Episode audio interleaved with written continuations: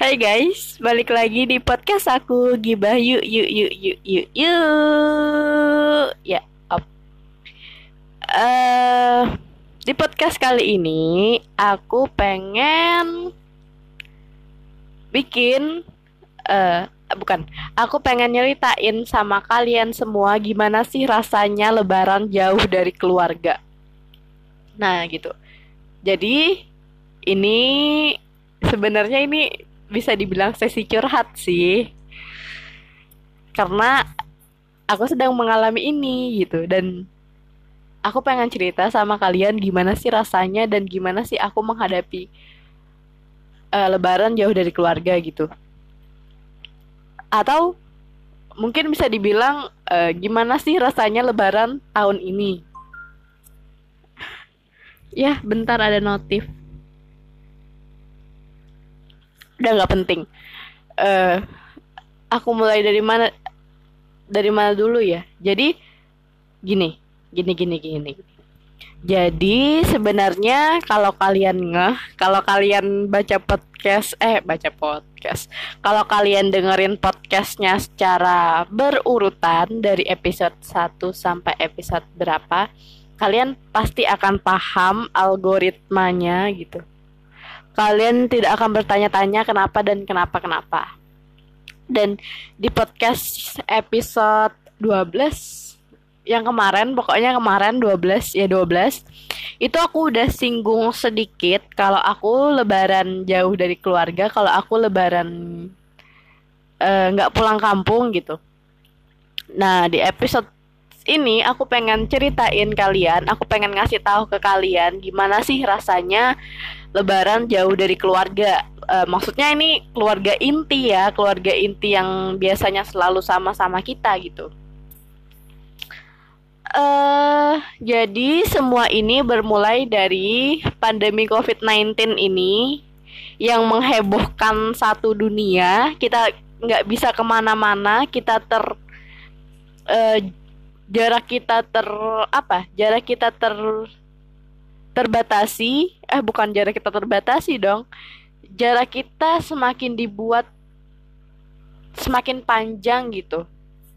Nah, itulah pokoknya. Kita kita nggak bisa bertemu bukan kita nggak bisa bertemu. Ya kita disarankan lebih baik untuk tidak bertemu kita lebih baik untuk di rumah aja kita lebih baik untuk nggak di mana-mana. Dan kebetulan saat pandemi ini terjadi, aku itu lagi di perantauan. Berusaha untuk menyelesaikan studi aku yang aku targetkan uh, bulan ini atau bulan depan itu udah selesai. Ternyata harus molor semolor-molornya sampai aku takut untuk membuat untuk membuat target lagi. Uh, udah itu nanti aku ceritakan di sesi yang lain. Jadi itu uh, kemarin aku nggak bisa pulang kampung. Dari awal pandemi itu aku nggak pulang kampung karena memang ada anjuran dari pemerintah kalau kita nggak boleh pulang kampung kan. Eh boleh pulang kampung tapi nggak boleh mudik. Eh. pokoknya ada anjuran dari pemerintah kalau kita harus tempat di mana kita berada di situ aja nggak boleh ke mana-mana intinya gitu. Nah jadi aku berusaha untuk uh, taat dengan di rumah eh, dengan di kosan aja dengan tetap berada di perantauan nggak pulang kampung. Sampai akhirnya itu puasa. Sebenarnya puasa itu uh, sedikit banyak perasaan pengen pulang itu udah mulai ada gitu. Uh, udah mulai ada.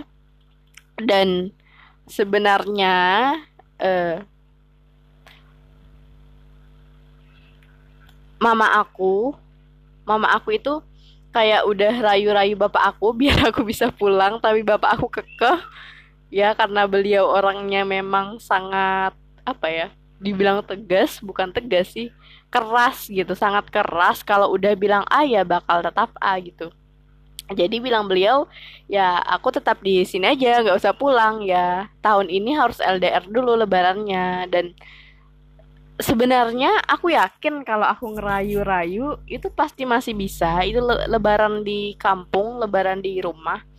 Cuman kayak di satu sisi kayak maju mundur maju mundur gitu loh. Kayak uh, di satu sisi pengen iya. Di satu sisi juga aku ngerasa kayak kalau misalnya nih kan kita nggak tahu ya virus virus itu ada di mana aja virus itu bakal nempel di mana aja gitu aku takut kalau seumpamanya aku uh, di jalan tiba-tiba atau memang dari sini aku membawa virus. Tapi kalau di sini sih aku memang nggak ke mana-mana memang di kos aja. Cuman kayak perjalanan dari perantauan ke kampung halaman itu kan 8 jam ya. Nah yang aku khawatirkan itu di situ.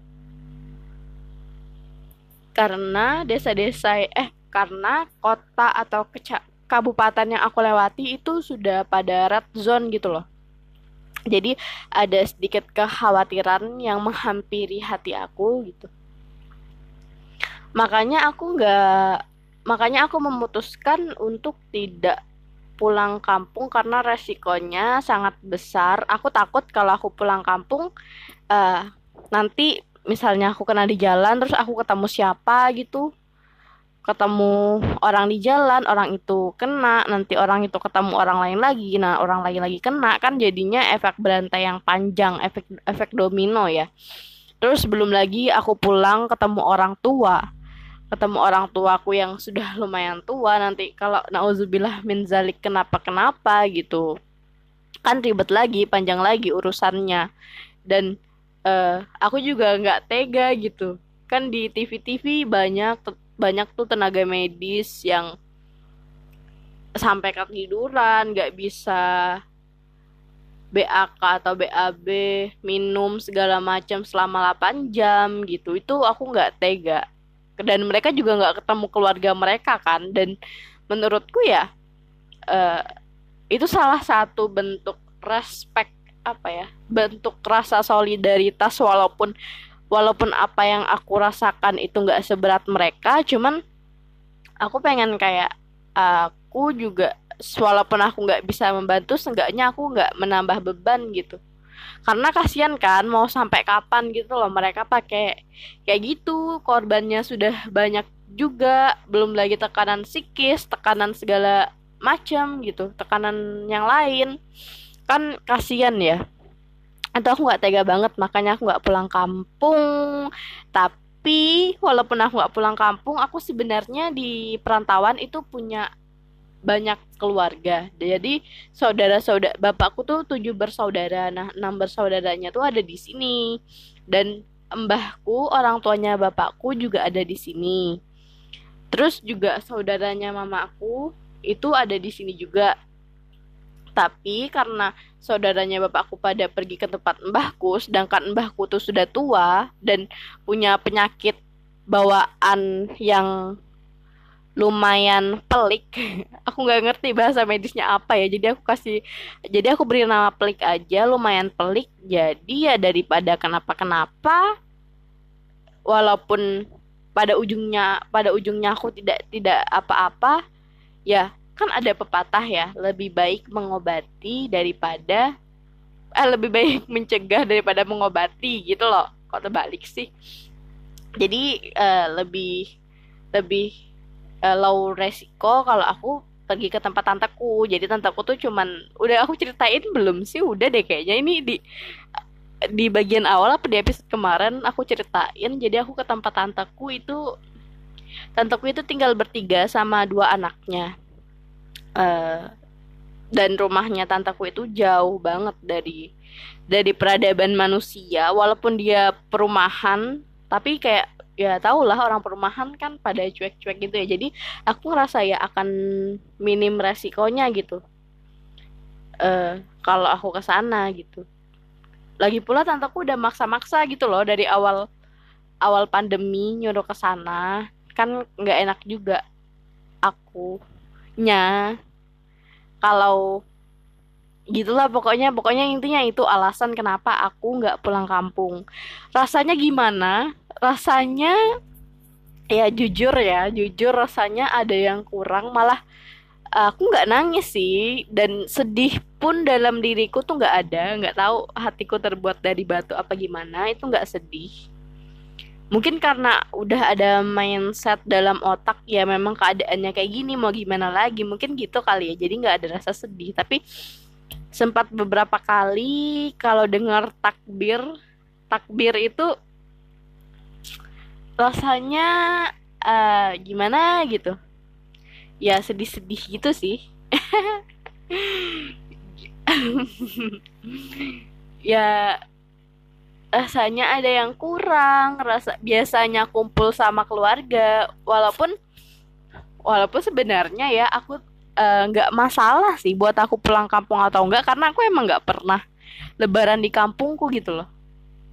Maksudnya aku nggak pernah lebaran di tempat aku dibesarkan gitu.